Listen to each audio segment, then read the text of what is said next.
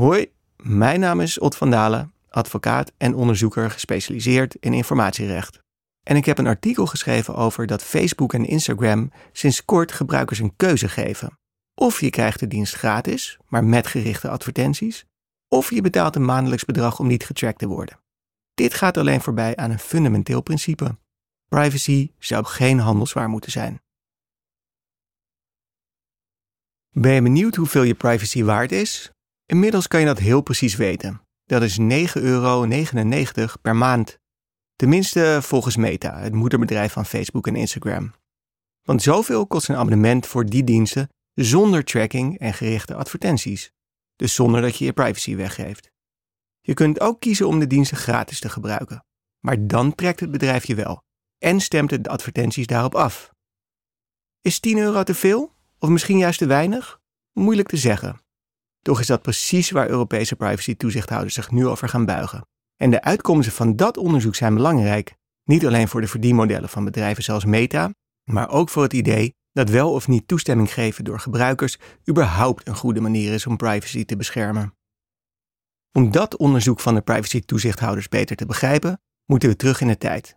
Want Meta introduceerde die betaaloptie weliswaar eind 2023. Aan dat besluit gingen flink wat juridische procedures vooraf.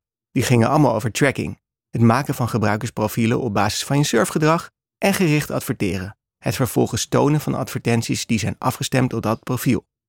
Tracking kan behoorlijke impact hebben op je privacy. Meta leert immers veel over haar gebruikers. Verschillende privacy-toezichthouders hebben dan ook in de afgelopen jaren geoordeeld dat Meta haar gebruikers alleen mag tracken als die gebruikers daarvoor toestemming hebben gegeven. Zo gezegd, zo gedaan. Gebruikers van Instagram en Facebook kregen de melding dat ze de toestemming moesten geven voor de verwerking van hun gegevens. Als ze dat niet deden, werden ze uitgelogd en konden ze de apps niet gebruiken. Nu is het punt dat de privacyregels ook aan die toestemming eisen stellen. Toestemming moet namelijk vrij zijn gegeven. Je moet, met andere woorden, een echte keuze hebben. Dus ook de keuze om te weigeren. Maar heb je wel echt de mogelijkheid om nee te zeggen als dit betekent dat je de dienst niet kan gebruiken? Facebook en Instagram zijn voor sommige gebruikers onmisbaar geworden. Denk aan familieleden die aan verschillende kanten van de wereld contact met elkaar onderhouden, ondernemers die hun producten online verkopen.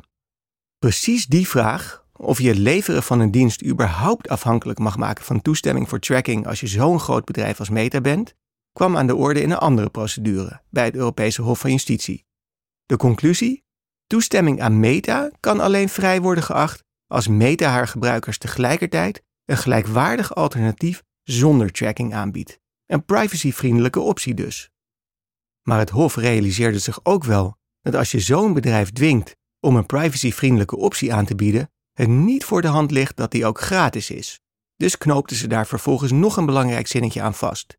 Zo'n privacyvriendelijk alternatief kon volgens het Hof in voorkomend geval tegen een passende vergoeding worden aangeboden. Vooral dat laatste zinnetje had veel impact, want Meta las daarin rechtvaardiging voor een tweesporenbeleid. Of je geeft toestemming voor tracking, of je neemt een betaald abonnement zonder tracking. En eind oktober is dat beleid uitgerold in Europa. Toch is daarmee de kous niet af, want juist in dat laatste zinnetje over die passende vergoeding zit ook een wereld van juridische procedures besloten. En ethische discussies, want wat je vindt van die passende vergoeding zegt veel over hoe je naar privacy kijkt. De Europese privacy-toezichthouders, verenigd in het Europees Comité voor Gegevensbescherming, EDPB, hebben inmiddels toegezegd dat ze hier onderzoek naar zullen doen. En als je de Noorse toezichthouder moet geloven, is dat een onderzoek naar een behoorlijk principiële vraag. Dit is een enorme tweesprong. Is privacy een fundamenteel recht voor iedereen of een luxe artikel voor de rijken? Het antwoord op deze vraag bepaalt het internet van de toekomst. Oké, dit was dus mijn imitatie van een Noorse toezichthouder. Europese privacy-NGO's vroegen de EDPB, die deze vraag dus gaat beantwoorden, in een brandbrief alvast om dit soort modellen af te wijzen. Ze berekenden hoe rijk mensen eigenlijk moeten zijn om privé te zijn op het internet.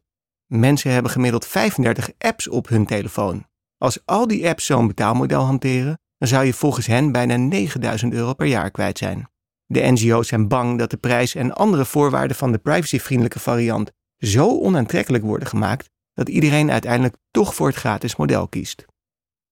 Het klinkt principieel. Privacy niet alleen voor de rijken. Maar je kan er ook anders naar kijken. Want je kan veel zeggen van privacy-schurk Meta. Eén ding is zeker: haar infrastructuur kost geld. En dat geld moet ergens vandaan komen. Als bedrijf mag je daarvoor natuurlijke vergoeding vragen. Stel dat Meta alleen een trackingvrije optie zou bieden, dan mag het toch ook zelf bepalen wat die kost? Zo bekeken is de vraag een stuk minder principieel. Namelijk, wat mag dat dan kosten? Of, in de woorden van het Hof van Justitie, welke vergoeding is passend? En juist die vraag is nog niet zo eenvoudig te beantwoorden.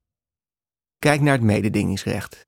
Mededingingstoezichthouders kunnen in Europa al decennia vaststellen dat een bedrijf met een dominante marktpositie te hoge prijzen rekent. Toch doen ze dat maar mondjesmaat. En de reden dat het niet zoveel voorkomt, is dat het moeilijk is vast te stellen wat een te hoge prijs is, terwijl het juist de core business van mededingingstoezichthouders is om economische en financiële afwegingen te maken. Ondertussen is privacy een fundamenteel recht, geen economisch raamwerk. Het is dan ook niet gek dat privacy-toezichthouders nauwelijks economische expertise hebben. En het is eigenlijk onmogelijk om met het privacyrecht in de hand een antwoord te geven op de vraag welke vergoeding passend is voor het abonnement van Meta. Dat we het hier nu toch over hebben, dat de privacy-toezichthouders überhaupt een onderzoek hiernaar doen, heeft te maken met iets anders. De discussie over Meta's abonnement richt zich nu namelijk vooral op de vraag hoeveel geld een bedrijf mag verdienen, terwijl het eigenlijk zou moeten gaan over hoe een bedrijf geld mag verdienen. Met andere woorden, de bezwaren tegen een betaald abonnement zonder tracking zijn eigenlijk vooral bezwaren tegen de gratis optie, de optie met tracking. De belangrijkste reden dat toezichthouders zich toch op het abonnementsmodel zonder tracking richten, is dat ze maar weinig instrumenten hebben om de optie met tracking aan te pakken. En dat komt weer door een weeffout in het privacyrecht, die door de Nederlandse privacy-toezichthouder de afgelopen jaren zelfs is omarmd. Dat zit zo.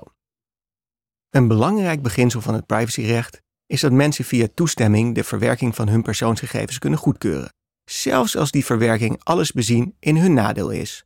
Het is de logica van toestemming als geschikt instrument om privacy te beschermen. Die logica is gebouwd op vier ideeën. 1. Mensen lezen pop-ups. 2. Mensen begrijpen wat ze lezen. 3. Als mensen dan op akkoord klikken, dan zijn ze ook akkoord. En 4. Mensen kunnen de gevolgen van dat akkoord ook overzien.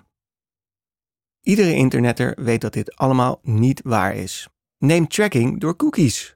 Bedrijven vragen de internetgebruiker via pop-up banners om toestemming voor tracking, maar bijna iedereen klikt die dingen ongelezen weg door op oké te drukken. En ondertussen bleek uit de onthullingen van de klokkenluider Edward Snowden dat ook de Amerikaanse geheime dienst NSA diezelfde cookies gebruikte om mensen te tracken, een toepassing waar gebruikers sowieso nooit toestemming voor hadden gegeven.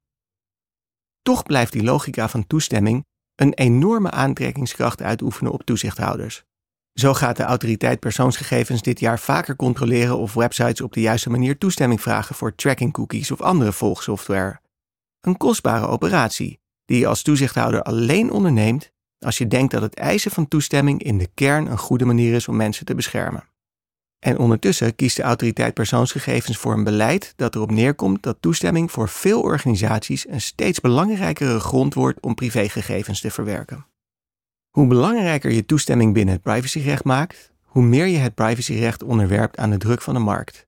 Aan de druk van bedrijven die allerlei economische prikkels hebben om toestemming voor verwerkingen te ontfutselen aan hun gebruikers, ook als die gebruikers dat eigenlijk niet willen.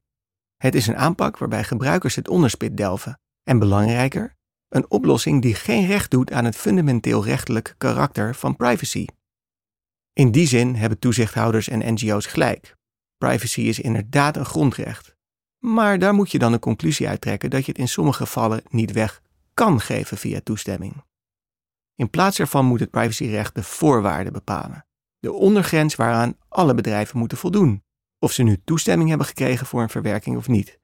En één van die voorwaarden is dat het fenomeen van tracking op de schaal van meta zo problematisch is, zich zo slecht verhoudt met het privacyrecht, dat het verboden zou moeten worden. Daar zou de wetgever de grens moeten trekken. Dan hoeven toezichthouders zich niet te buigen over welk abonnementsmodel door de beugel kan. De correspondent bestaat tien jaar. Al tien jaar maken wij journalistiek voorbij de waan van de dag. Journalistiek die niet polariseert, maar perspectief biedt die geen ophef najaagt, maar oplossingen zoekt. Wist je dat de correspondent 100% door leden wordt gefinancierd? Dat betekent dat we ons werk alleen kunnen doen als luisteraars zoals jij ons steunen. Word vandaag nog lid. En draag bij aan diepgavende, advertentievrije en onafhankelijke journalistiek. Ga naar decorrespondent.nl en word lid.